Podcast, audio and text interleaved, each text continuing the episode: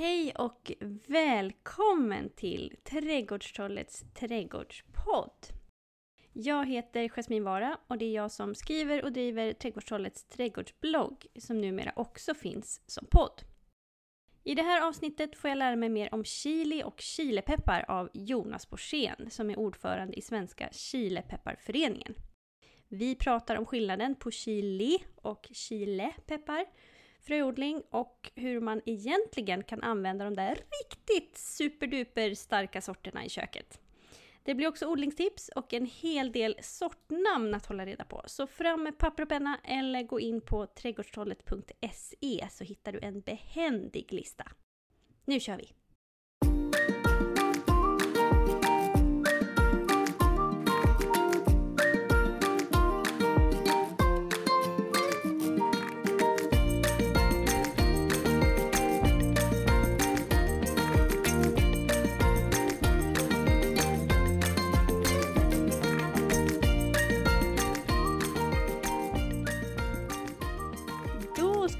Hej och välkommen till podden. Här sitter jag tillsammans med, eller ja inte tillsammans med, vi sitter ju på varsin kammare, med Jonas Borssén. Hej Jonas! Hej, hej, hur står det till? Ja, det är bara bra. Hur är det själv? Det är, det är strålande faktiskt. Mycket fint. Våren är antågande och eh, redan så här i februari. Och ljuset eh, börjar eh, skina här på våra chiliplantor som vi har övervintrat. Så att eh, Mm. de, de börjar må bra igen. Nya skott på dem. Ja, men det är härligt. Happy days. Du Ja. är ju ordförande för vad då? Svenska chilipepparföreningen, Sveriges eh, äldsta förening och kanske Europas äldsta eh, chilipepparförening. Vi är en tvärvetenskaplig eh, odlings och gastronomisk förening. Alltså för, för vår del så börjar det ju med, vad ska vi säga, sådden och så följer vi det, plantan genom, eh, genom hela säsongen och så är det skörd och sedan så är det då eh, massvis med matlagning eh, efter skörd, men även under årets lopp också. Mm. Och jag reagerar lite på just ert namn. Ibland ser man ju stavningen chili, men också chilepeppar. Varför Mm. stavas chili ibland med e på slutet?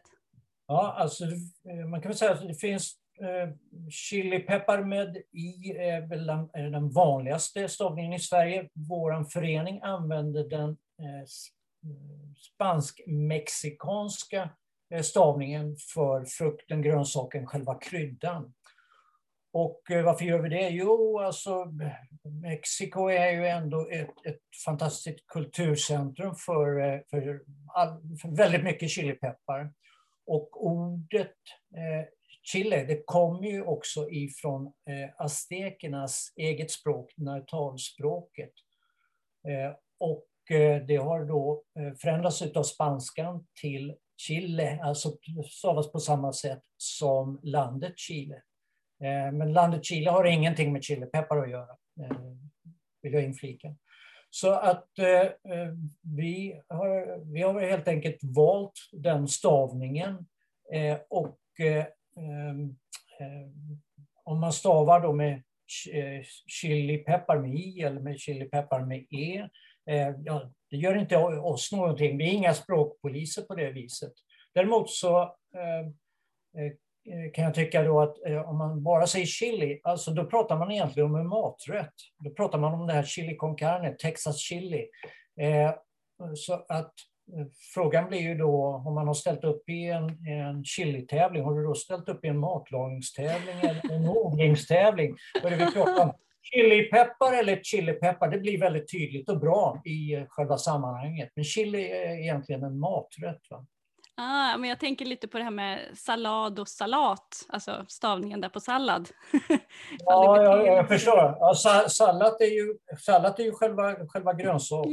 Ja, Sallad med T, va? Och sallad precis. med D är, är själva den eh, färdigberedda eh, anrättningen. Jajamensan, det stämmer bra.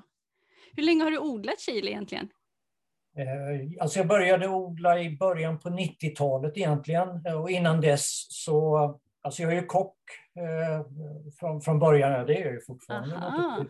Eh, så att eh, det kom ju in matlagningsvägen för min del. Så att eh, på den tiden, alltså, jag, jag vet inte om ens om det knappt gick att få tag på frön. Och det gjorde det säkert på, på 80-talet. Men alltså matlagningsmässigt så började det på 80-talet för min del med, med chilipeppar. Och så växte det och blev bara större och större. Och eh, sen kom ju den här Tex-Mex-vågen till, eh, till Sverige. Och då kom det in, eh, alltså det var ju fortfarande då eh, i konserverad form. Men då kunde man ju lägga till det här vid sidan av den här vanliga spanska pepparen eller Dutch chili pepper som finns fortfarande i matvarubutikerna. Den här gröna, röda med lite böjd form, karaktäristisk chilipepparform eh, som alla känner till.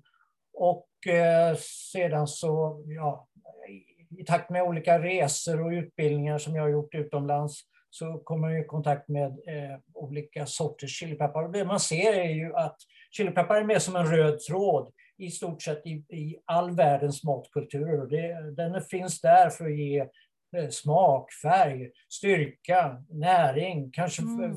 som medicinskt förebyggande och så vidare. Eh, och det är egentligen bara i norra Europa där vi inte har använt chilipeppar i vår traditionella matkultur. Men det har vi ändrat på en hel del. Jag vet när jag skrev min första bok om chilipeppar så eh, eh, då, då, då var ju importen utav, utav färsk chilipeppar till Sverige, ja, den låg ju bara på ett par hundra kilo. Och sen under, ja, visst. Och sen under 90-talet så expanderade det så otroligt mycket så det var uppe i, flera, flera ton egentligen. Idag är det väldigt svårt att få tag på någon statistik och, eh, eh, när det gäller import och det beror på att när, när Sverige gick med i EU så har eh, den där statistiken försvunnit in i, ja den har fått ett annat importnummer och då har det blivit uppblandat med, med, med mycket annat så att säga. Men jag, jag kan nämna, jag, jag, jag, kände igen fröodlare och fröförsäljare som, som sålde chilifrön ganska tidigt. Och jag vet att i början, alltså runt 80-90-talet där, han, han sålde kanske en handfull påsar per år. Och, och sen under 90-talet så ökade det ganska dramatiskt och, och då var det ju upp till tusentals per, per år. Sen kunde han eh, leva vidare på det där egentligen. Nej, men, oj. men kan man ja. prata liksom om 90-talet som the golden age of chilipeppar eller är det nu som är det? Har det bara vuxit och blivit större och större och större? Ja, jag, jag skulle säga att det bara vuxit och blivit ännu större och större. Eh, man kan säga att det fick någon form av trendkänsla då på, på 90-talet. Eh, mm. Det skrevs väldigt mycket om det och eh, ja, jag, jag, jag, skrev två böcker eh, som fokuserar på chilipeppar och båda två kom ut i, under 90-talet. Så att, eh, jag har väl haft ett finger med i spelet här lite grann. eh, men, men, sen då, eh, sen var jag med och anordnade eh, Europas största chilipepparutställning på Bergianska trädgården och det var, eh, då ska vi se, det var väl hösten 99. och Eh, då i, i, samband med det så gjorde vi ett upprop då för Svenska Chilipepparföreningen. Eh, och som vi sedan startade eh, på eh, Eh, år 2000. Och, eh, så, eh, och vi fick ju hundratals medlemmar relativt omgående. Och vi, vi är ju en, vad ska jag säga, en sån här traditionell förening, medlemsförening. Och vi är inte eh, ute på, på Facebook eller bloggar speciellt mycket, utan vi bedriver medlemssida givetvis på internet, än på det här lite mer eh, gammaldags föreningssättet egentligen. Så vårt mål har inte, blivit, eh, har inte varit att vi ska bli någon jättestor förening, därför att då, då skulle vi enbart finnas på Facebook, utan eh, vi vill gärna ha eh, medlemmar som är både odlingsintresserade och, och matlagningsintresserade och kanske också vill ta del av den här kuriosan och det här tvärvetenskapliga som också hör till eh, chilipeppar. Och det gör ju att vi fortfarande som en, en, en relativt liten eh, odlings och gastronomisk förening lever kvar så här drygt 20 år eh, senare. Alltså er hemsida är ju fantastisk måste jag säga. Jag vet inte hur många gånger jag har surfat in där och snokat runt och tänkt att jag ska bara kolla på den här sorten och sen har jag fastnat där. Den är som ett ljuvligt träsk. Man liksom sitter där, sitter man en sort och sitter man en till sort och en till sort och en till sort. Hur många sorter ja. har du hunnit odla dig igenom tror du? Ja, vad kan det vara? Ehm, jag får nog säga att det är kanske ett, ett hundratal i så fall. Det finns ju de som odlat betydligt mer än, än vad jag har odlat. Ehm, men jag har hållit mig till väldigt mycket matnyttiga sorter. Jag är inte så intresserad av hybridsorter till exempel. Va? Utan eh, det är kulturväxtsorterna och sådana som, som har ett stort matlagningsvärde som jag tycker är roligt att odla. Och då, då blir det många som, eh, som är återkommande varje år som, som jag odlar. Har du några favoriter? Namedroppa lite, vilka är det som kommer tillbaka? Åh, oh, ja, ehm, Svårt. Eh, alltså, kan, det, det, är alltid trevligt att ha sådana här så kallade frying peppers. Frying mm. peppers det är sådana som du eh, skördar ganska tidigt. Alltså när de är gröna och omogna egentligen. Mm, som padron ungefär. Ja, exakt. Eh, och så steker du dem i olja eller friterar dem eller du kan ha dem på utomhusgrillen också. Mm. Det finns olika storlekar på dem. Eh, jag skulle säga att du har eh, Pimento eh, de Padron nämnde du till exempel då, eh, som är en, en, alltid en sån här favorit som man vill ha varje sommarsäsong. Och det finns en italiensk variant också som heter Frigitello eller Friarello. Mm. Den blir aldrig stark så som Pimento de Padron kan bli. Och du har också Kaliston som är en turkisk variant. Den blir betydligt större. Eh, också väldigt god att, eh, att, hantera på det viset. Du har eh, Shishito, en japansk sort. Där får du lite styrka i den eh, allt eftersom. Och det, styrkan kommer ju i takt med mognaden. Mm. Men lite beroende på vilken sort det är så kan ju styrkan även infinna sig när, när frukten fortfarande är grön och omogen också. Eh, Manganji är också en, en väldigt trevlig eh, japansk sort med en eget eh, eh, ursprungsskydd dessutom. Precis som Pimenta de Padron har också. Mm. När du säger matnyttigt, syftar du på framförallt på smak eller tänker du på liksom att det ska vara mycket fruktkött, liksom att det ska vara en köttig chili eller tänker du på näring eller är det alltihopa samtidigt? Ja, det, det, det är smaken naturligtvis och, och många sorter fyller en funktion både som färsk frukt den kan vara eh, matnyttig på så sätt att du kan använda den när den är grön och omogen. Eh, den passar alldeles utmärkt när den är röd och mogen också. Den går fint att torka och då förändrar den karaktär dessutom när den är torkad. Så då får den ytterligare ett användningsområde matlagningsmässigt sett. Va? Det är ett brett spektrum av anrättningar som du kan göra då, kanske med en och samma frukt. Mm. Så att, eh, då blir det ju väldigt matnyttigt. Har du några sådana här superklassiska recept? För ofta är det ju sådär att man, man står där med kanske lite fler sorter än vad man hade tänkt sig från början. Eh, och kanske lite större skörd också än vad man hade förväntat sig. Ehm, och vad gör man då om man plötsligt har väldigt, väldigt mycket chili? Har du något förslag? Ja, alltså är det väldigt mycket så är det ju alltså det att göra sås utav det. Eh, men det kan man ju, det blir lite begränsningar på det också. Men chilipeppar går ju, kan du inte göra sås och det går ju också att frysa in fruktköttet. Mm. Så att det förändras inte i, eh, alltså i smak eller styrka, ingenting sådant går förlorat. Det enda som händer är ju när du tinar det så är ju, är ju fruktköttet eh, mjukt och lite mosigt och så vidare. Men ska du göra sås på det så spelar inte det någon, någon roll. Va? Mm. Eller du kanske vill ha det i någon gryta eller, eller liknande. Så att eh, det, det går alldeles utmärkt. Och du kan frysa in dem som urkärnade frukter eller hela frukter eller skivade eh, i ringar och så vidare. Eh, så, att eh, det, det, är ett ganska lätt sätt att eh, ta vara på, på frukterna.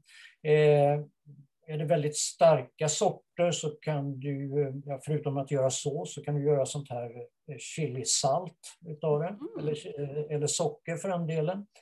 Eh, och eh, då tar man de färska frukterna och mixar med, eh, med det går bra med vanligt hushållssalt.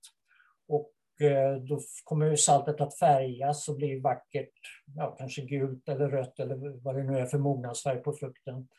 Och sedan så torkar man det på, på svag värme i ugnen tills saltet är, ja, är helt torrt så att du kan så att säga, stöta sönder i, i, i, eh, i strösalt igen. Och då har du ett färdigt bordsalt som du kan ha och strö på maten i, i många sammanhang. Det är ganska fiffigt framförallt För att, eh, eh om man har en hel familj att ta hänsyn till så det kanske är en eller ett par stycken i familjen som bara tycker om det där riktigt superstarka eller som vill ha, vill ha en högre styrka. Och det är just de här tillbehören som du kan göra med, med chilipeppar, alltså såser, salt, eh, kött, Nisse, sambal och, och liknande. Eh, och har vid sidan om. Så att det behöver du bara klicka på din portion. Och då kan ju resten av familjen kan äta maten eh, då utan att det ska slå eldsflammor ur munnen. ja, herregud. Jag har en liten son som jag försöker liksom träna här nu på att, att, att äta chili och det går ganska bra faktiskt. Eh, han går ju på förskolan och eh, ibland när fröknarna sitter och hostar lite då tycker de tycker de har fått lite stark mat därifrån från mattanten som har lagat. Då sitter han och glufsar i sig glatt så att något har jag väl gjort rätt i alla fall. Men om man är nybörjare och liksom vill kanske träna upp sin styrktålighet, hur ska man göra då? Ska man liksom sakta ta lite starkare undan för undan eller är det lika bra ja. att man börjar med en sån här superstark men tar väldigt, väldigt lite av den? Eller? Ja, ja det, det, det finns säkert många olika infallsvinklar. Det beror på vad, vilken toleransnivå man har från första början. Men det är väl en bra idé att börja med det som är mindre starkt om man, om man tror att det, det kommer att bli Alltså att det kommer att bränna alldeles för mycket och att, och att man är känslig för den biten. Va? Men vad som är bra att ha till hands det är ju iskall mjölk vid sidan om. Va? Mm. Eller någon sån här iskall yoghurtdryck eh, fungerar också jättebra. Eh, därför att du har, eh, du har ett proteinämne i, som heter kasein i mejeriprodukter som, eh, som fungerar lite hämmande på det starka ämnet i chilipeppar. Så det blidkar helt enkelt eh, den här styrkan lite grann. Mm. Sen är det, men det är också bra att ha de rätta tillbehören, alltså bröd, eh, ris, eh, pasta eller ja, gryn överhuvudtaget. Och sånt där va, som absorb kan absorbera en del av styrkan när du fått in det i munnen också. Va. Eh, det är också bra med lite vattniga grönsaker som, som gurka till exempel, eller, mm. eller krispig isbergssallad och, och tugga på om man tycker att det är väldigt starkt. Och till barnen, ja, lite mosad banan eh, kommer att fungera alldeles utmärkt. Eller någon sån söt mango till exempel, eller ananas eller någonting, någon sån här exotisk eh, söt frukt är, väldigt gott. Eller så får vi ge dem en glass. Då har du den mejeriprodukten och så har du den kylande effekten. ja, det går alltid. det går alltid. Men de här riktigt ja. superduper jätte jättestarka sorterna då, vad är det man egentligen använder dem till? För de är ju så starka, de är ju som svåra att liksom bara ha i maten sådär. Ja, men, men du vet, eh, man, ska, man, man, får inte utgå från, från sin egen smak och göra den till norm för, för andra, utan eh, alltså det finns ju personer som tycker att ja, det, här är, det här passar min nivå, så att säga. Eh, och eh, när eh, när vår förening, när vi är ute på eh, trädgårdsträffar och, så där och säljer plantor, så får vi ofta frågan där, att eh, personen vill köpa en, en stark eh, frukt eller en planta med mediumstarka frukter. Och då blir motfrågan hela tiden, vad är starkt för dig eller vad är mm. mediumstarkt för dig? Det, det, är så väldigt individuellt vad man tycker är starkt och inte starkt. Eh, men eh, tillbaka till frågan, alltså, vad gör man med de här superstarka eh, sorterna? Alltså de är väldigt fina att använda i desserter och gärna med exotisk frukt. Ja. Och det är just för att i de här superstarka sorterna så hittar du parallella smaker. Alltså du kan hitta inslag av ananas, rabarber, mango, den typen av så här blommig exotisk fruktsmak i dem.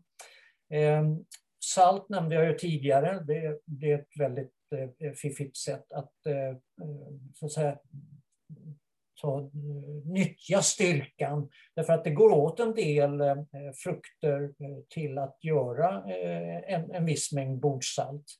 säga till ett kilo salt så behöver du få ihop åtminstone eh, drygt 100 gram urkärnad eh, frukt. de, här, de här superstarka så sorterna, de är, de är, inte alltid som de är, är speciellt stora, de kan vara är, lite mindre och de väger ju knappt någonting. Alltså. Så att eh, det blir ytterligare ett fiffigt sätt. Eh, du kan också eh, finhacka dem, blanda dem med, med socker. Eh, Mm, och vad har man det till? Strö, och strö på, på desserter. Aha! Du kan ju göra, du kan ju göra vanliga desserter eh, om du så vill och sen så använder du det här starka sockret och strör i efterhand. Plus att det ser lite vackert ut också. Man får en liten eh, rödaktig flä, fläckighet i, i sockret. Så Ja, det gör det, ja. det lite spännande. Ja, gud, det skadar inte. Vilka är, alltså det känns ju som att världens starkaste chili, det känns som att det liksom uppdateras årligen, att det kommer ganska mycket Ja. nya sorter. Men kan du nämna några som är kända för att vara sådär superduper starka som man behöver skyddskläder för att Ja. hantera? Det var ju som så att under många år så, eh, så var ju eh, Red Savina Habanero var, var den starkaste sorten. Och sen så eh, här i, eh, jag tror det var 2006 eller 2007, jag- minns inte riktigt, men då kom Bacciolochia. En sort Ah. ifrån i Indien som då, eh, det var första gången man hittade en chilipeppar som eh, mätte över en miljon Scoville-grader. Herregud.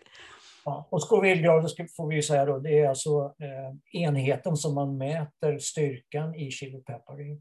Mm. Och som en jämförelse, den vanliga röda Dutch chili pepper eller spansk peppar som finns ute i butikerna, en sån röd frukt ligger på två, eh, Eh, två och ett halvt till kanske 4-5 tusen Scoville-grader ungefär. Så att det är ju en enorm skillnad naturligtvis. Kan man liksom, eh, hur kan man dela upp den här Scoville-skalan alltså gradmässigt för att liksom ha någon slags hum om vad som är lite svagare, lite medel och lite starkt? För det är ofta om man, om man går i en helt vanlig trädgårdsbutik och så ska man köpa chileplanta. då står det ofta alltså, svag eller mild, eller så står det medel eller så står det stark. Mm. Var ungefär brukar de röra sig då på den här? äh, Ja. Den blir ju inte så detaljerad då. Det, det, det, det finns också en sån här 0 till 10-skala som används. Eh, Men det, alltså det är ju en gigantisk skillnad mellan nian och, och tian. Ja, Jag kan livligt föreställa mig detta. Och det visar ju inte den här 0 till, 0 till 10-skalan. Det visar ju inte på, på styrk, riktigt på, styr, på styrkeförhållanden eh, däremellan. Och samma sak blir det ju med mild, me- medium och stark. Eh, eh, Det brukar vara föreningsplantor som vi driver upp varje år. Det brukar vi ha milda, eh, medium, eh, starka, extra starka och superstarka. Så vi har fem nivåer. Eh, det, och jag tycker då har vi varit eh, väldigt tydliga, men ändå på ett enkelt sätt så att man förstår ungefär vad man hamnar på. Men om vi tar de här starka då, ja, men då, då får man ju börja i ena ändan ner vid, kanske vid jalapeno och, eh, och sen så i andra ändan så hittar vi ju då eh, kanske någon cayenne-sort eller en eh, rocoto manzano eller någonting i den stilen. Så Mm. att, eh, och det är ändå lite skillnad i, i styrkenivå på, på de sorterna jag nämnde nu. Alltså, vad går egentligen gränsen mellan, jag tänker, alltså paprika och chili? Därför att det känns som, ibland som att det är nästan som lite paprikor som smyger sig in i det här chilisortimentet. Ja, allting är chilipeppar. Eh, Mm. Chilipeppar blir liksom samlingsnamnet för, eh, för alla sorter egentligen. Va? Och paprika är ju egentligen en typbeteckning för en större, rundare, eh, block, nästan blockformad eh, söt frukt. Eh, Du har en annan typbeteckning, pimento, eh, Mm. som används för, eh, för många frukter som kommer ner från Medelhavet, eh, men även från eh, Nordamerika. De tenderar också att vara lite lätt blockformiga och, och ibland stora som, eh, eh som en paprika, men de är eh, ofta lite spetsigare i, i formen. Och sen har du vaxtypen, är en annan sort då, till exempel med, med Hungarian wax och sweet banana och liknande. Va? Eh, jalapeno ytterligare en, en typbeteckning. Eh, och under det så börjar det eh, komma då sortbeteckningarna egentligen. Och paprika, eh, jag kan bara inflika, det är ju ett, namn som kommer från Ungern och det betyder chilipeppar på, på ungerska. Jaha. All chilipeppar eh, heter ju paprika i, i Ungern. Och i de slaviska länderna så har du ju eh, namnvarianter på det här med på paprika. Så att i, i Serbien och, och eh, ja, Rumänien, Bulgarien och et, etc. Så, så finns det namnvarianter på det här med paprika. Och kära någon. Men om jag mm. då vill um, få tag på lite roligare sorter, alltså jag sörjer ju verkligen att den här trädgårdsmässan i Älvsjö inte blir av. Alltså corona är ju hemskt och fruktansvärt på många sätt. Ehm, men just det här att trädgårdsmässan har blivit inställd nu tycker jag känns mm. jättetråkigt. För jag brukade bland annat, eh, jag hade några sådana där montrar som jag sprang till och handlade fort som attans medan det fortfarande var ett riktigt bra utbud. Och då var ju er monter en av dem. Och nu är det ju ingen mässa. Så om jag vill få tag på lite roligare sorter, vart ska jag vända mig då? Har du något tips?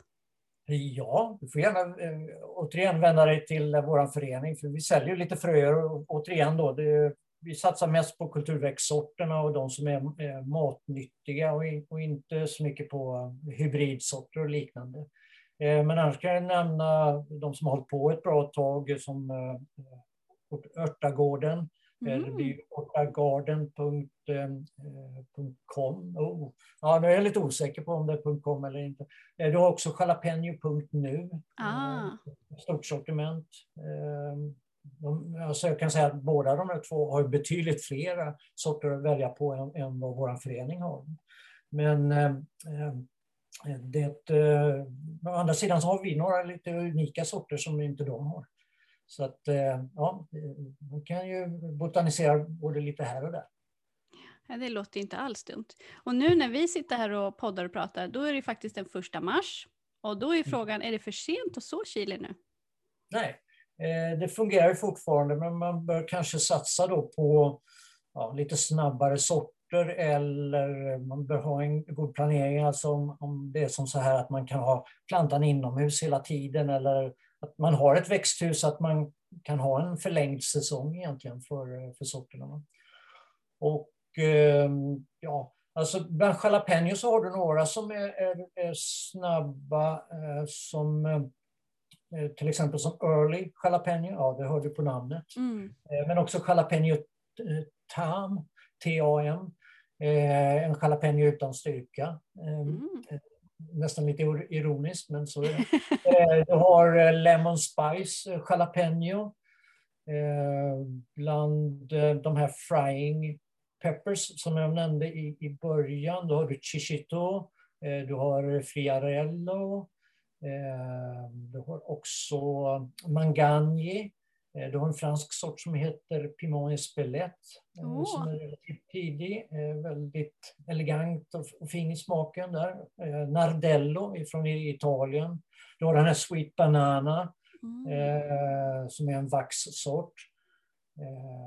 Du har också från Nordamerika så har du Hatch som, som är en chilisort som oftast skördas grön och omogen också. Va? Så det hjälper ju till i sammanhanget. Eh, ja, de behöver inte sitta så länge på plantan. Nej, därför att det kan, ta, det kan ta tid. Va? Eh, lite beroende på om man eh, har plantan inomhus, under bar himmel, ska säga, inglasad balkong, växthus eller vad det nu är någonstans. Va? Men det kan ta tid för det att mogna på. Va?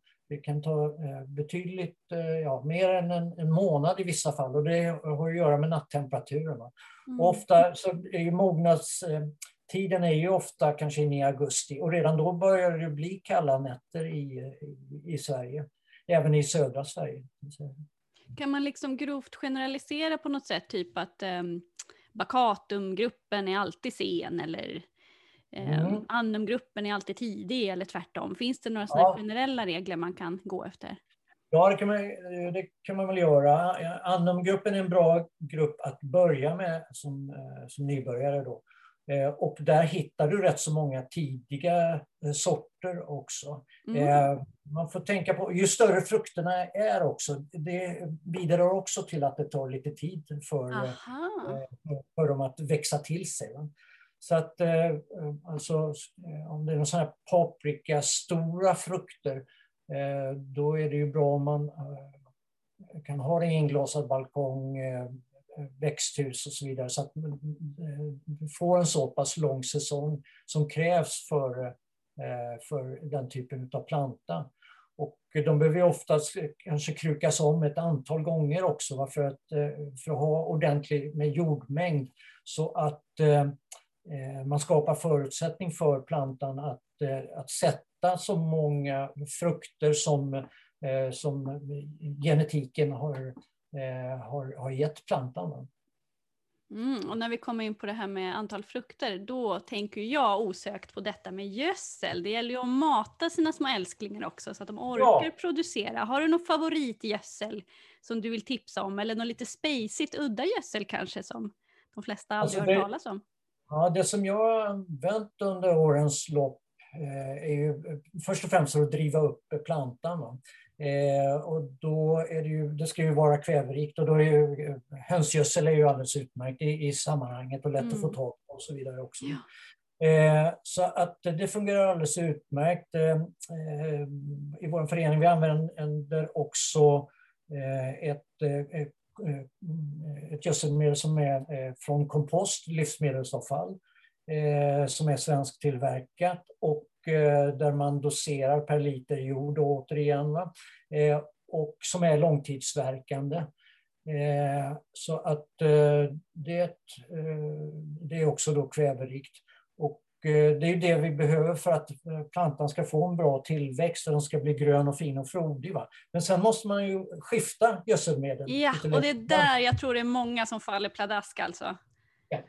Och på, på de här ska säga, förpackningar, påsar eller, eller om det nu är flaskor med flytande eh, och så vidare, så har du NPK-talet då som eh, man får, får titta på. En är ju kväve i sammanhanget och till början så krävs det mer utav kväve så att det ska vara mer utav kvävehalt, alltså högre andel kväve i det här gödslet när du ska driva upp plantan.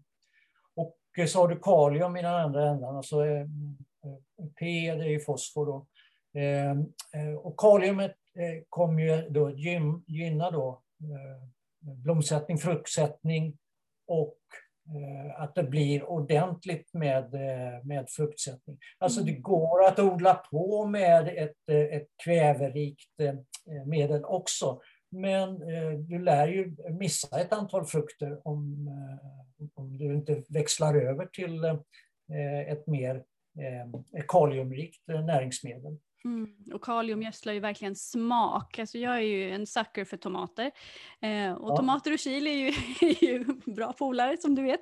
Eh, och då ja. är det ju så otroligt viktigt just det här att man inte snålar med kaliumet. Det är så otroligt många som de kör på med kvävet och sen fortsätter de att köra på med kväve. De glömmer liksom bort att sen behöver de kanske byta. Men när är det då man ska byta? Hur vet man när det är dags att byta ja. från kväverikt till mer mineralrikt gödsel? Ja, det är en bra fråga. Och eh, det kommer, alltså man får titta på plantan om den ser ordentligt eh, alltså fullvuxen ut helt enkelt.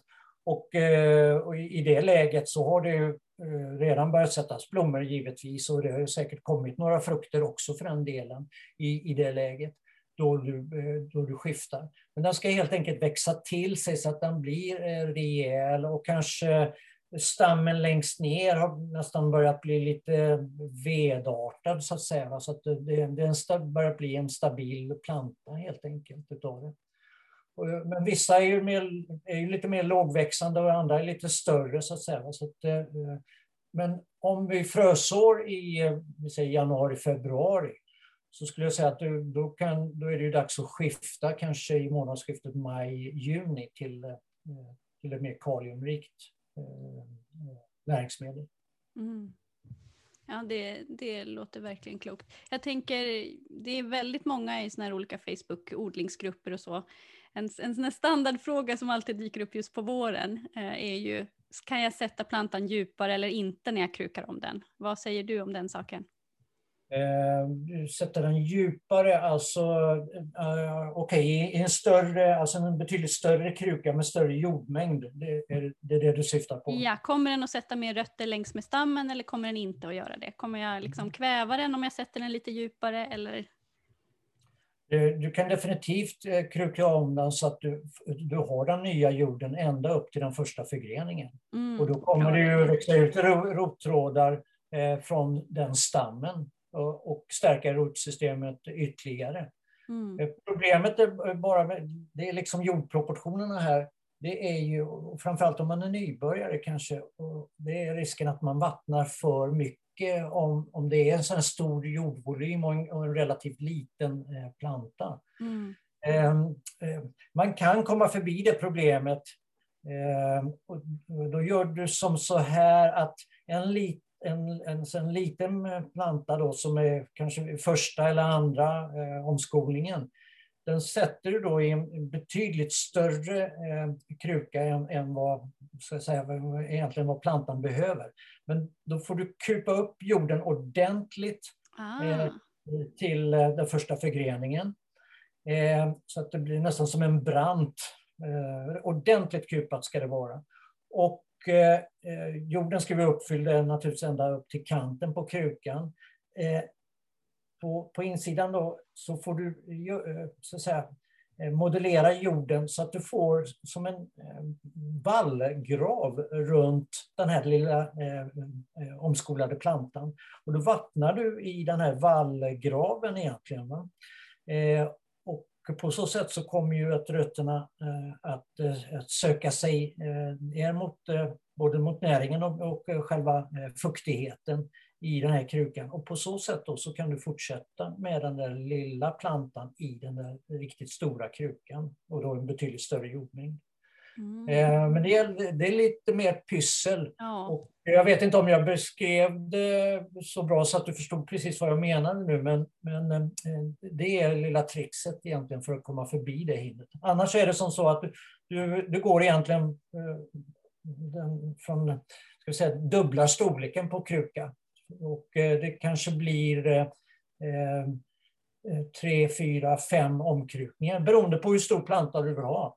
Du styr ju också plantans storlek med jordmängden naturligtvis. Ja, det känns ju som att man kan alltså, tipsa och trixa och pyssla och fixa ganska mycket med, med just chili. Det finns ju en, en otroligt många såna specialtips där ute. Och ett av dem är ju bakpulver ifall man ska blötlägga sina frön i bakpulver innan de sås. Är det någonting du gör? Det är inte bakpulver, men eh, jag brukar tipsa om, alltså bakpulver fungerar också, men jag brukar tipsa om kaliumnitrat och salpeter. Mm. Eh, därför det är ju också bakterie och, och eh, dödande och tar död på mögelsporer också. Eh, och, eh, det där kan ju, alltså mögelsporer och, och, och bakterier kan ju eh, orsaka att fröet ruttnar innan det har börjat gro. Så att därför så brukar jag köra med kaliumnitrat egentligen. Då, va?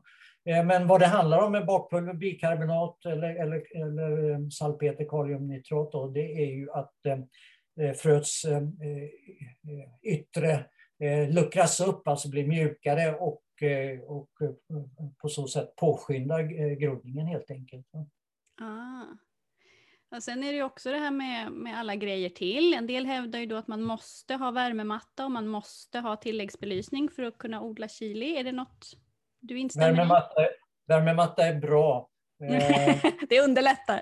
ja, men jag, jag, eh, eh jag testar ofta fattigmansvarianten om jag får kalla det för det. Mm, det jag kallar för budgetodling. ja, ja, precis. Va? Så att jag jobbar inte med växtbelysning heller inomhus. Så jag kan, tar fröna till exempel. Eh, ett fiffigt sätt att göra det på det är ju du tar eh, hushållspapper, kanske ett sånt där hushållspapper med två, två skikt och eh, fukta det. Använd en blomspruta, eh, eh så fukta pappret ordentligt. Inte så att det rinner av det, men så att det är ordentligt genomfuktat. Och så lägger du fröna där inne och så viker du ihop det här som en sandwich. Och sen så slår du in det här i plastfilm eller eh, lägger in det i eh, en sån här påse som är förslutningsbar. Och så lägger du det någonstans där du har bra undervärme. Jag brukar lägga det ovanpå kylskåpet till exempel. Ah. Eh, det där brukar sätta, eh, sätta ordentlig fart. Alltså det brukar gå fortare den vägen än att eh, eh själva sålådan där, om man petar ner i jorden och det står ovanför elementet. Eh, ovanför elementet så det brukar ta lite längre tid så att inom en vecka nästan brukar det, brukar det fungera och då groddningen kommit igång. Man får man får titta till den här, det här lilla sandwichpaketet. Så att, det, så att det, framförallt, pappret får inte torka ut, va? därför att då har man förstört fröna. Mm. Eh, så att det måste hållas fuktigt hela tiden. Va? Men är, är det en sån här förslutningsbar påse så brukar det fungera ganska bra. Eh, men, eller någon annanstans, eh, något pannrum eller ja, någonstans där man har, har bra undervärme eller liknande så att man kan få igång groddningen.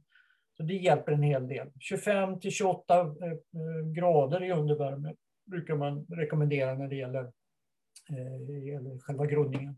Och sen när de har kommit igång, då flyttar du över dem till en kruka med jord helt enkelt? Ja, precis. Va? Och, eh, men, utan tvekan så snabbas det ju på en hel del. Alltså sen, så, återigen, inom en vecka så har ju de första små hjärtbladen visat sig. Mm. Så att det går riktigt, riktigt snabbt. Men om jag ändå vill då liksom lägga lite pengar på min chiliodling och nörda ner mig lite, då känns det ju som att lampor är, är, är, en given pengaslukare. Det finns ju alltså växtlampor som är sanslöst dyra och det finns växtlampor som är betydligt billigare och där står man och man vet inte var man ska börja och vad som är bra och inte. Eh, I vissa sådana här guider som man kan läsa på internet så är det ju många då som pratar om 2000 lumen, alltså bara man kommer över 2000 lumen, mm. då är ja. det lugnt. Liksom. Hur, hur tänker du kring det där? Vad, vad duger? Liksom? Måste sådana där lampor alltid vara så dyra? Ja, alltså det, det, går ju bra med vanliga vita lysrör, det, det gör det. Man brukar ju säga, alltså tumregeln brukar vara att det, man skulle behöva ha 100 eh, watt per kvadratmeter. Mm -hmm. Eh, om man omvandlar det till lumen, då hamnar man ungefär mellan 1000 och 2000 lumen. Eh, så, att, eh, så att eh, jag menar, det, det stämmer ju ganska bra det, det, det, du säger eh, på det viset. Och, och, eh, men ljuset behövs ju inte förrän hjärtbladen visar sig så att säga. Så att, det, är ju, det är ju både för att driva upp plantan och, och sedan också om man vill övervintra plantan som vi behöver det här extra ljuset. Men du ska veta att jag använder vanlig takbelysning. Där sitter ju en sån 60 watts eh, lampa i den. Och den, eh, jag menar, den sitter ju högt upp i taket dessutom också. Men det fungerar också. Det är inte optimalt, men det är budgetvarianten mm. naturligtvis. Mm. Jag, jag, är lite motståndare med, med blått och rött ljus också, för det ser ut som man har discobelysning. Att, men jag menar, det, det, är olika vad man tycker givetvis. Så att, eh, om man vill så kan man spendera en hel del på det där. Eh, och, eh, men jag vet många som använder vanliga enkla lysrör. Och, och det, gäller ju, det gäller bara att man, att man gärna har någon form av reflektorer så att du får ljuset att stråla ner mot, mot plantan. Alltså själva den här armaturen man, eh, som går att köpa ute i, i butik och, och, på internet, då, den, är, den är ju ofta så eh, alltså, anpassad med reflektorer, så att, eller med en skärm som reflekterar ljuset ner mot plantan. Så det är ju naturligtvis det viktiga i sammanhanget skulle jag säga. Vad kul att du nämnde det här med övervintring. Mm. Ehm, därför att det känns ju, just apropå lampor, så känns det ju om man går i helt vanliga trädgårdsbutiker att de lamporna som de säljer ofta kanske snarare är för övervintring av plantor än för upptidning av plantor. Men just det här med övervintring är ju inte helt enkelt va? Ehm, det är ju roligt så här, när man är utbildad trädgårdsmästare som jag är, då tror ens föräldrar och vänner och bekanta ofta att man är expert på allt som har med växter att göra. Så är det icke fallet. Jag kan eh, faktiskt bekänna att jag vet inte hur många gånger jag har misslyckats med att vinterförvara just chili, därför att de drabbas ju av löss, löss, löss. Ja, ja, Jag tror jag har lyckats kanske en gång. Jag hade någon eh, eh, lila bladig version där eh, som var otroligt fin. Men mm. i övrigt, alltså jag har misslyckats fler gånger än vad jag har lyckats. Hur ska jag göra för att lyckas övervintra mina chiliplantor? Och vad är fördelen med att göra det? Eh, vi kan börja med fördelen. Det är ju att du får eh, ännu mer frukt eh, säsong två om du sköter plantan på, på rätt vis. Och du får, en, eh, ja, du får en större och mer frodigare planta helt enkelt. Va? Så att det blir ännu mer glädje utav, utav den år två och eh, år tre och så vidare. Så att, eh, eh det, är, det är utan och Jag menar, det är väldigt trevligt att ha lite planter vintertid också. Ja, de är ju eh. vackra när de inte är nersållade med löss. Ja, precis. Då. Och dessutom kan du, du kan ju skörda då nästan året runt egentligen. Så att eh, det, det, blir ju jättetrevligt. Och, och, så, och sen så sätter det ju ny fart ytterligare då på, på vårkanten också. Så att ja, det, det är den stora fördelen. Eh, men visst, du bör ju kolla att du inte tar in plantor som, som dras med någon sjukdom eller som dras med ohyra.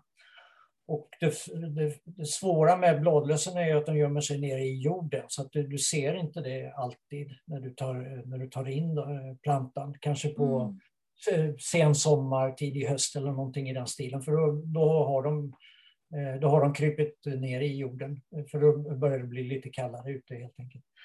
Eh, ja, du bör byta jord på en sån planta och, och sätta den i, i, i, rena fina krukor. Eh, eh och, och Eh, och, och, vet du med att det är ett, eh, ett angrepp så spola gärna rötterna också. Eh, försiktigt mm. naturligtvis.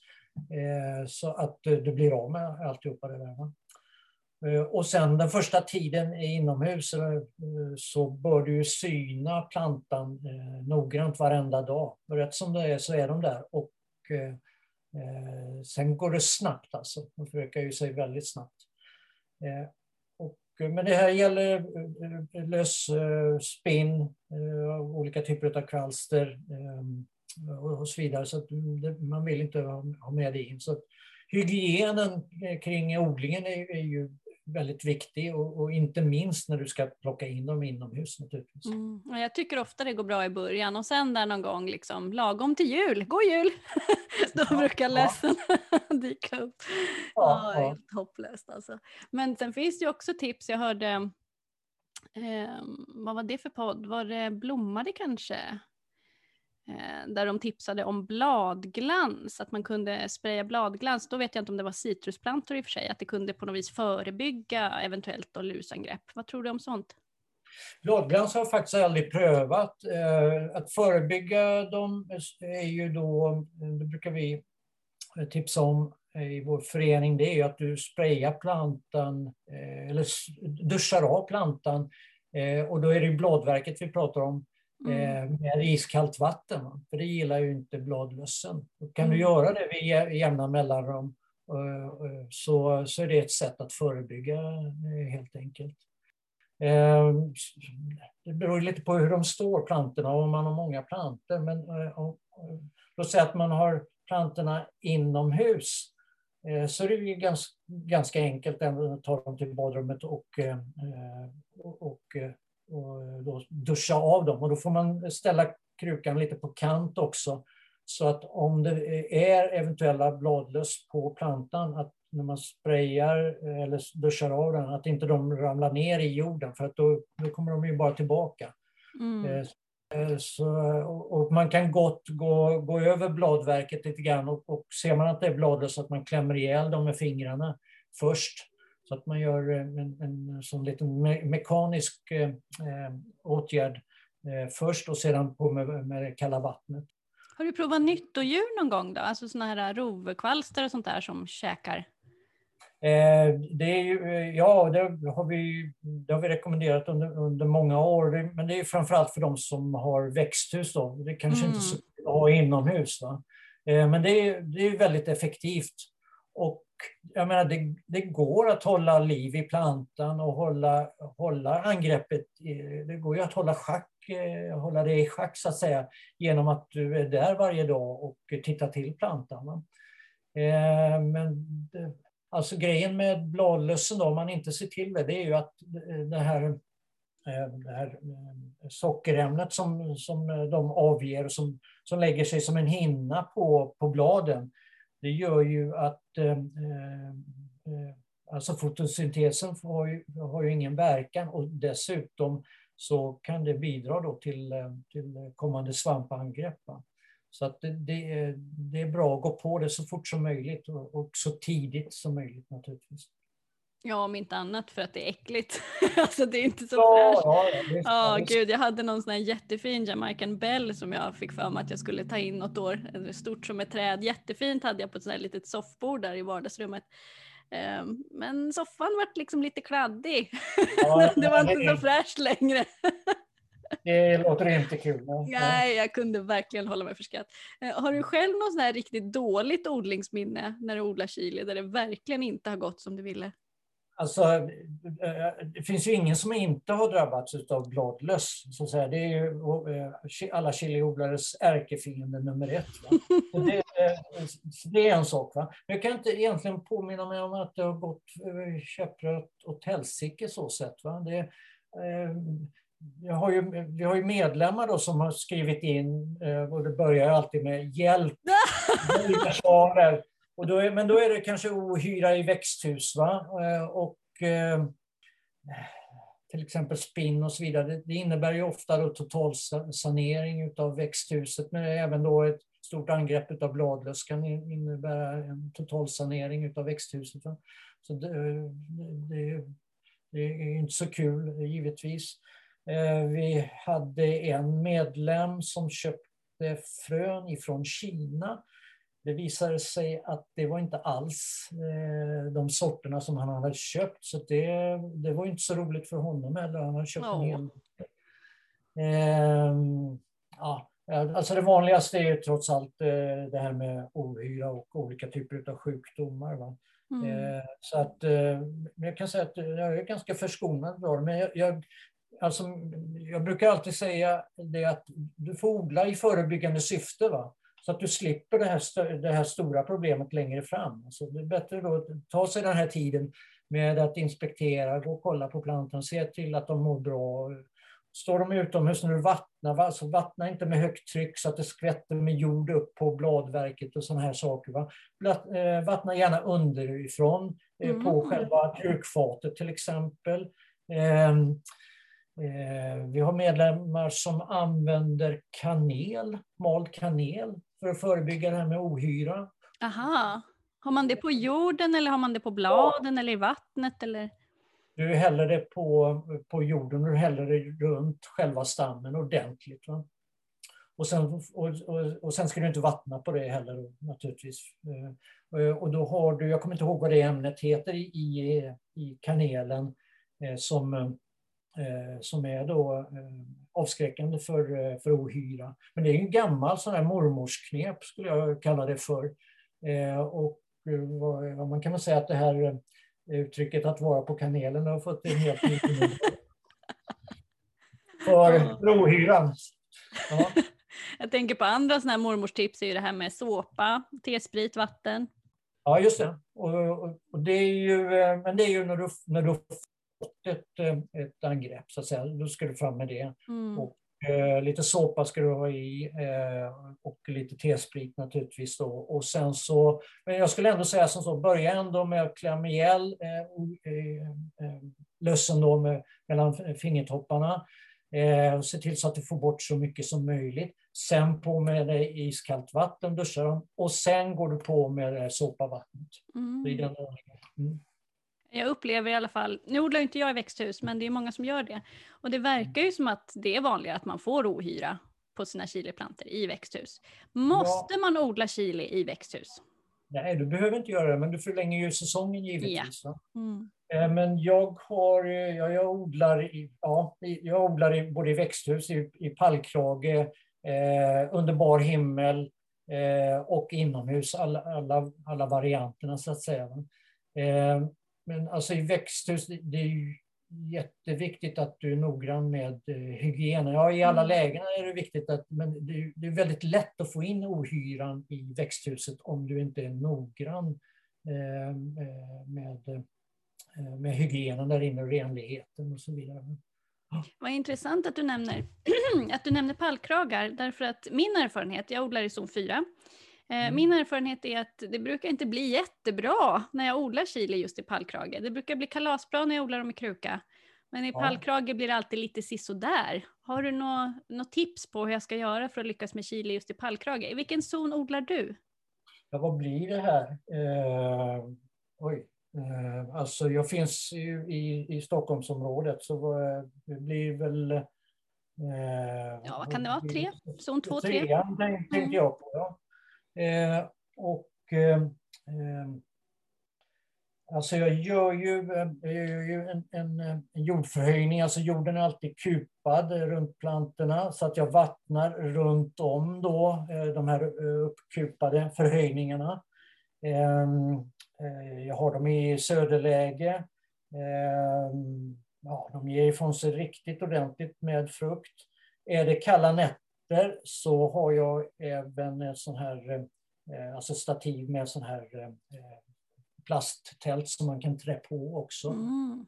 Ja, smart. För, förra året gjorde jag som så, därför att, du vet, det var ju ganska varmt och fint i början på sommaren och, och och man kunde ju till och med sitta ute på midsommarafton. ja, det hör inte till vanligheterna. Nej, det gör inte det. Och, eh, men sen i juli, eh, tror jag de flesta kommer ihåg, så blir det väldigt kallt. Mm. Då var jag framme där med, med ja, det här nästan presenningliknande tältet eh, på nattetid för, för plantorna. Har du eh, svarta pallkragar eller har du eh, naturell?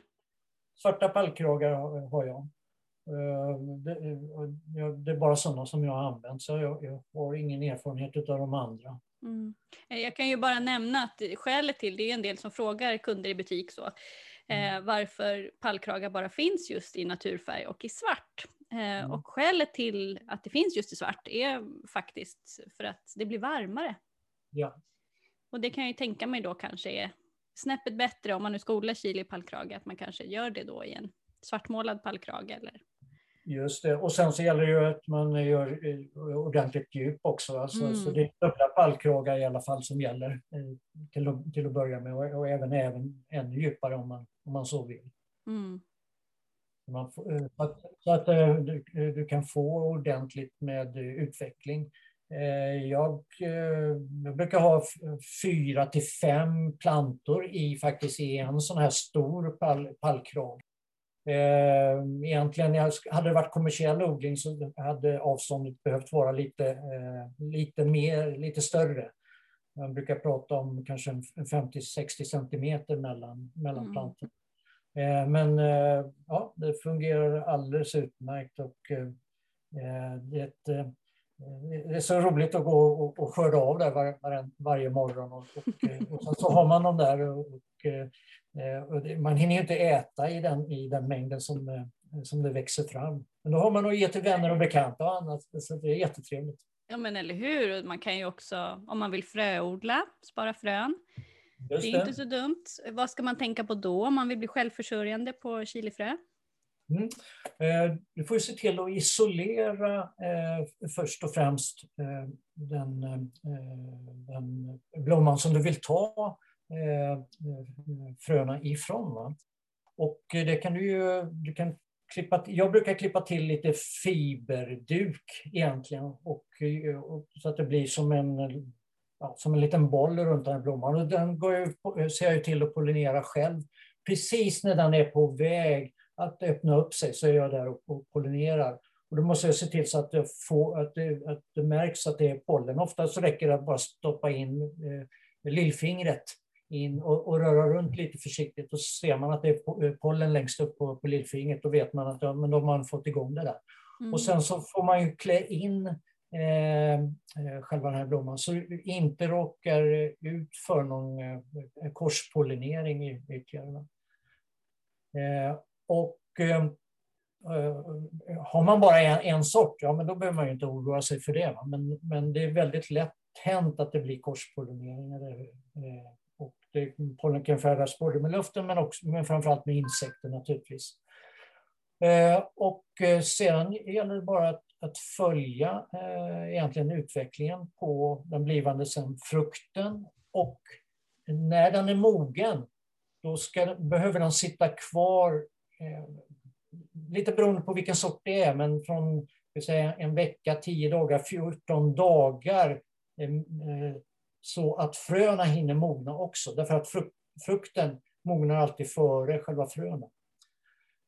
Och det där är viktigt, för annars kommer inte de där fröna vara fertila, eller det kommer bara vara en bråkdel av fröna där inne som är, är fertila helt enkelt.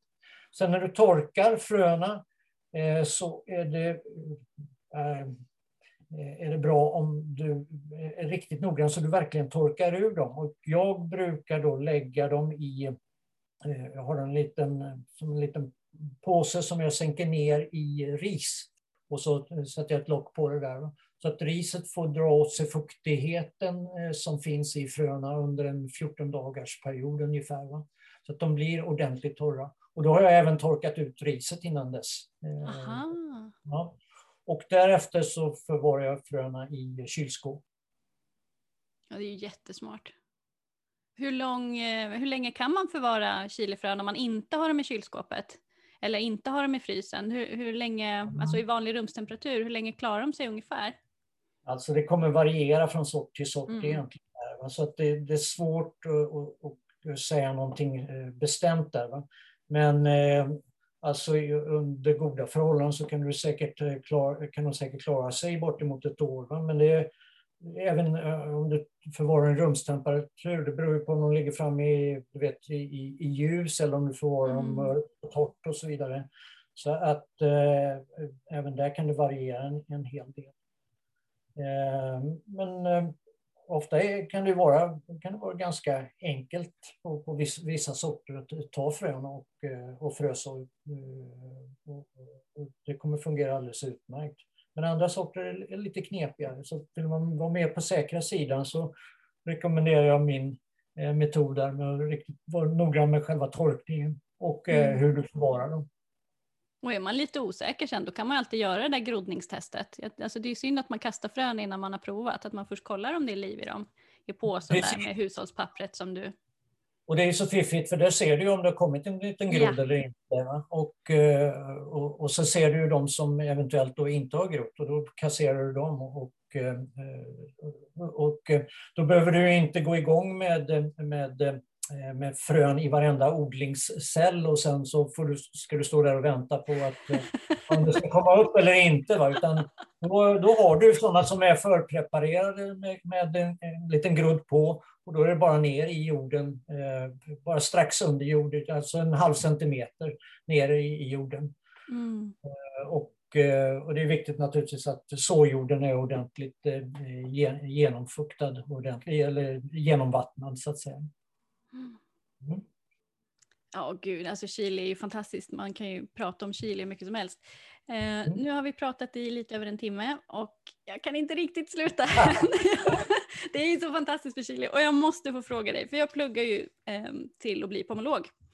Och då Ja. är det många som tror att det bara handlar om äpplen och det gör det inte, utan det handlar också väldigt mycket om det här med smaker och konsistenser och strukturer och om att på något sätt hitta ett smakspråk för att kunna beskriva frukten som man re- rent då visuellt har framför sig men också som man smakar på och äter.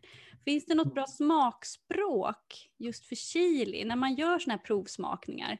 Man brukar ofta prata om sensoriska kvaliteter och sådär och jag tycker det låter lite torrt och trist. Vilka ord brukar ni använda i föreningen när ni pratar och liksom ska beskriva smaken på chili?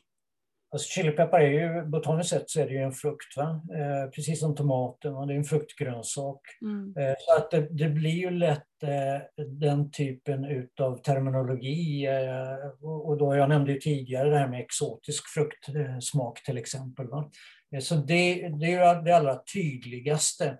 Men sen finns det ju frukter som, eh, som man eh, bereder, alltså man röker dem, röktorkar dem och så vidare. De får en Mm. helt annan sam, sammansatt smak och du, du har de som är, är, är soltorkade och där kan det eh, dyka upp eh, så här torkade fruktsmaker eller bärsmaker. Alltså, det kan vara katrinplommon, russin, till och med lakrits och så. Oj. Och så. här saker, tobakskaraktär och, och liknande. Eh, Men annars, det, den, det som är mest sensoriskt är egentligen för själva styrkan. Och den, det kallas eh, för eh, styrkeprofilen, eller på engelska the heat profile. Aha. Eh, och det, det är egentligen fem olika ska säga, komponenter. Det, är, det är utveckling, alltså det är ju om det brännande, om det kommer då direkt eller om det är med en viss fördröjning, 15-30 sekunders fördröjning eller så. Du har själva varaktigheten utav styrkan då, om, om den försvinner relativt eh, snabbt eh, eller om den sitter i väldigt länge, många minuter eller till och med uppemot en timme eller så. Oj, oj, oj. Ja, och sen så har du själva platsen i, i, i munnen eller i gommen då. Eh, var var, var påträffar du den här, den här brännande sensationen? Och, och eh, det kan vara då på, alltså utanpå läpparna, eh, eh alltså på utsidan utav munnen. Eh, det kan vara på, på tungans spets, det kan vara nere i svalget, gommen, eh, eller, eller fylla he, hela gommen eh, också. Och sen har du dessutom känslan och då är det eh, återigen, är, är det brännande, är det som ett nålstick kan man säga, eller är det mer som att den är eh, som man har målat hela tungan med någonting starkt? Eh, eller som en käftsmäll som min ja, sambo brukar säga. Ja, ja. Vi, vi, har inte med det, vi har inte haft med just det i terminologin, men det, det, det är bra, det, det, det, får vi nog lägga till faktiskt. Eh, det säger en del i alla fall. Eh, och sen så har du slutligen intensiteten, och det är ju det som, eh, som mäts då i Scoville-grader, eller som man då brukar vardagligt kalla för mild, medium eller stark. Då. Så att eh, där har du där har du en systematisk terminologi för, för, för själva styrkan, för att beskriva styrkan ska jag säga. Annars kan man, man kan säga som så att det man använder för att beskriva matsmaker eller vinsmaker, det går att överlappa på, på chilipeppar också. Så att säga. Mm. Finns det sorter som har någon sån här väldigt liksom karaktäristisk smak som man kanske lite känn, lättare skulle känna igen i ett blindsmaktest. Mm, typ en rökighet ja. eller en salt smak eller någon riktigt så mango-mango smak. Ja, ja, precis. Ja, utan tvekan, eh, till exempel eh, eh, man har mogen jalapeno som man röker, byter ju namn till chipotle då i Mexiko. Så där, där skulle de väldigt många som är bekanta med den sorten känna igen den här rökigheten och även då i kombination med styrkan givetvis. Mm. Och jalapeno i sig då tror jag också att en hel del skulle kunna känna igen den, den lite milda gröna smaken med, med, med en väldigt fin behaglig styrka i sig. Eh, du har också en annan mexikansk sort som heter poblano, lite mörkare grön smak i, i sig eh, och lite mjukare styrka. Ehm, du har Hot Lemon. Eh, och det hör man ju på namnet hur den smakar, så den har en lite försiktig citruston i sig. Mm. Ehm, du har eh, Ají Amarillo, en av mina favoriter också. Ehm, lite blommig bärkaraktär, svag inslag av eh, citrus, fin behaglig styrka. Du har rocoto eller manzano kallas den för också. Eh, kombinerar paprikans saftighet och, och, och nästan li, lite svag sötma i den eh, med en ganska distinkt eh, styrka också som, som, eh, som sitter i ett tag. Ehm, ja, det är, det är några. Det, det går naturligtvis att träna upp sig på ett antal olika sorter. Va? Gud vad härligt. Och du som är kock, jag måste ju fråga, finns det någon sort som smakar extra bra ihop med choklad? Ja, oh yeah. Eh, absolut. Eh, vi kan väl ta eh, Poblano, eh, när den torkas, soltorkas, så byter den namn till Ancho. Eh, den är väldigt angenäm ihop med choklad. Även den här chipotle, den här rökta eh, chilipepparn, fungerar alldeles utmärkt. Eh, jag kan ta, det finns några fler torkade eh, och det är ju eh, pasilla, återigen en mexikansk sort. De sorterna jag nämnde nu, pasilla, ancho, chipotle, de ingår i den här mexikanska nationalsåsen som heter mole. Oh. Som man serverar till, till fågel eller fläskkött. Eh, och även i den såsen ingår det ett litet uns choklad eh, dessutom. Så att Aha, där har, de, där har du kopplingen. De Men pratar sen, bra med varandra. Ja, de snackar väldigt fint med varandra. Och tar du vit choklad däremot, då skulle jag öka styrkan. Och mm -hmm. jag skulle inte vara främmande för att använda någon av de här superstarka sorterna också. Skulle matcha eh, den vita chokladen som är, är ju eh, den är inte så kakaostark i sig utan det är ju, är ju det finns lite vaniljton i sig och, eh, och har en mjukare kakaosmak. Eh, och eh, med, lite, eh, med lite tendens att ha, ha den här kakaofettsmaken i sig. Och det kan man balansera väldigt fint med lite starkare chilisorter. Ah. Finns det några chilisorter som är extra goda att kombinera med varandra? För det kan jag uppleva många gånger med tomater till exempel. Jag mm. återvänder ju alltid till tomater och äpplen som exempel, för det, det är liksom min, min ja. värld, det är min referensram. Och jag brukar tycka att det är väldigt, väldigt gott att kombinera en lite syrligare tomat med en väldigt, väldigt söt tomat. För det är precis som att mm. då händer det något i munnen, då blir det liksom spännande. Kan man göra ja. på samma sätt med chili? Finns det två chilisorter som liksom gifter sig sådär extra bra? Ja, det, det, är många som gifter sig eh, väldigt bra. Så att det, eh, jag, jag, kan säga att det, det går att och, och, och, eh, hitta på alla möjliga kombinationer. Egentligen, men vad det handlar om är kombinera mild med någon som är stark eller ännu mer stark och så vidare. Mm. Till exempel de här som, som är goda att lägga på utomhusgrillen eller steka i olja bara som, och som är milda. Och sen så använder du de starka och kryddar eh, kryddar upp den till, till den nivån som du vill ha, eh, helt enkelt. Så där har du eh, en stor, så att säga, det man säger ett plus ett blir lika med tre. Va? Där har du en, en stor fin kombination med, med, eh, med de milda ihop med de starka helt enkelt. Ehm, ehm, alltså, i, I övrigt så, så är alltså det är jättemånga varianter där som, som matchar varandra på ett, på ett jättefint sätt jag kan egentligen inte säga att det är någon som in, inte matchar varandra. Eh, det, det skulle vara några av hybridsorterna då. Alltså, ah. Hybridsorterna kan vara väldigt starka men kanske besitter inte någon sån här jättespännande smak i, i sig. Alltså all chilipeppar eh, går ju att äta. Eh, så det finns inga giftiga sorter. Eh, men alla är ju inte, är inte lika goda då, som de som har traditionellt använts i, i matlagning. Mm. Vad är fördelen med, med hybridsorterna om man ändå väldigt gärna vill liksom prova på någon ja. hybridsort? Vad, vad finns det för fördelar? Finns det några fördelar alls?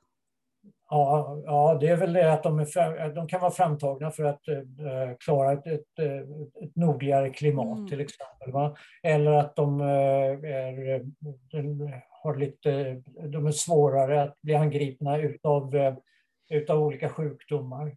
Eh, så att eh, det, det kan vara bra sorter att börja med och när man inte är så, bekant med, med just det här med, med, med bladlöss eller man, man, har, man har det kanske på, man kanske har något söderläge ens för, för sin planta. Så att då kan det vara bra naturligtvis att börja med. Någon sån enklare sort. Om man eh, odlar uppe i norr, kanske zon 7-8, mm. eh, finns det någon sort som inte är hybrid som ändå hinner liksom ge något där uppe? Jag vet, jag läste bloggen Forsnäs Hemman förut. Jag tror, om jag minns rätt, att hon tipsade om sibirisk huspeppar. Mm, är det något okay. du har provat eller har du andra tips? Sibirisk huspeppar vet jag faktiskt inte vad det är för någonting. Men eh, egentligen är det ju, du får bara starta tidigare. Mm. Så att starta frösådden redan i, eh, i december någon gång. Mm. Och, eh, sen, och då får du se till, eh, naturligtvis, då behöver du ha växtbelysning. Va? Så att, ja. att du kan sörja för det under de där riktigt mörka månaderna som är uppe i norra Sverige. Så då har du kommit, men då har du kommit förbi problemet. Ja, men det är ju jättebra tips.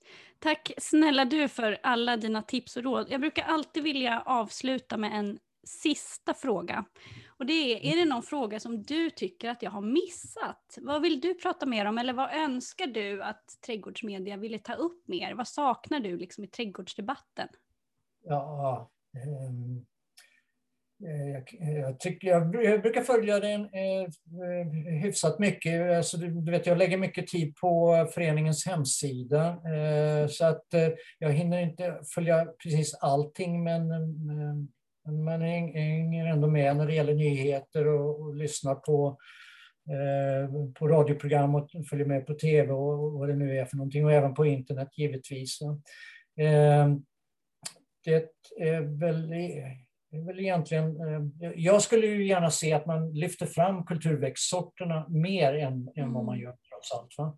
Det hade varit roligare. Eh, därför att jag har full förståelse för om, om man är en här riktig odlingsentusiast eh, så vill man odla eh, många olika sorter så att säga. Men den stora behållningen är ju verkligen när du får någonting i andra ändan som är så otroligt matvänligt, matnyttigt, som jag beskrev tidigare. Eh, så att du har riktigt stor glädje av det. Men det är inte alltid lätt att få till alla bitarna. Det är inte nödvändigtvis så att bara för att man är odlingsintresserad att man har ett jättestort matlagningsintresse också. Men det, det är lätt hänt att det blir så över tid om man börjar med chilipeppar. Mm -hmm.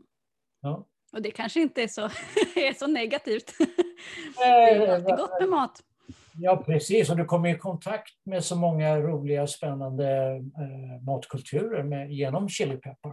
Mm. Och idag så är det ju väldigt lätt att eh, kanske eh, googla fram ett och annat recept också eh, från, eh, utifrån olika specifika sorter. Ja, men verkligen. Har ni några recept på föreningens hemsida som du vill tipsa om?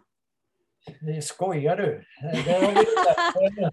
alltså vi har jättemycket om odling naturligtvis. Eh, vi har en odlingsskola som går i sex avsnitt eh, varje år och som börjar med frösådd och som avslutas med övervintring och i den så, så är det även en skörd eh, skördeavsnitt och vad du gör med skörden, hur du, hur du fryser, hur du konserverar, hur du gör såser, oh, wow. etc. etc, etc med, med frukterna. Men sen har vi ju månadsbrev med, med mycket recept och till och med med, med dryckestips ihop med dem. Och, men, oh. kuriosa, odlingstips även där eller någon, någon, vetenskaplig nyhet kring chilipeppar. Det kan vara medicinskt, det kan vara, det kan vara odling eller någonting annat. Eh, skoj, så att säga. Eh, så att eh, det, vi skriver så pass mycket så, så att ibland så undrar jag, har våra medlemmar tid att läsa allt vi publicerar? Ja, en, det tror jag nog att de har. Alltså det, det här med att hitta bra kunskap nu för tiden. Alltså, så här, internet och sociala medier, de, det svämmar ju över av av information och åsikter och alltihopa. Och det svåra är ju liksom inte att hitta information, det svåra är ju att sålla och veta vad man hittar liksom kvalitativ information från någon som faktiskt vet vad de pratar om. Eh, ja. Eh, och där tror jag att ni gör en jättestor insats. Det, mm. det tror jag verkligen. Jag har lärt mig oerhört mycket av er hemsida, så den kan jag varmt rekommendera. Ja, vad roligt att höra. tycker jag ska surfa in där och frossa loss i Chiliträsket. Ja. Det underbara Chiliträsket.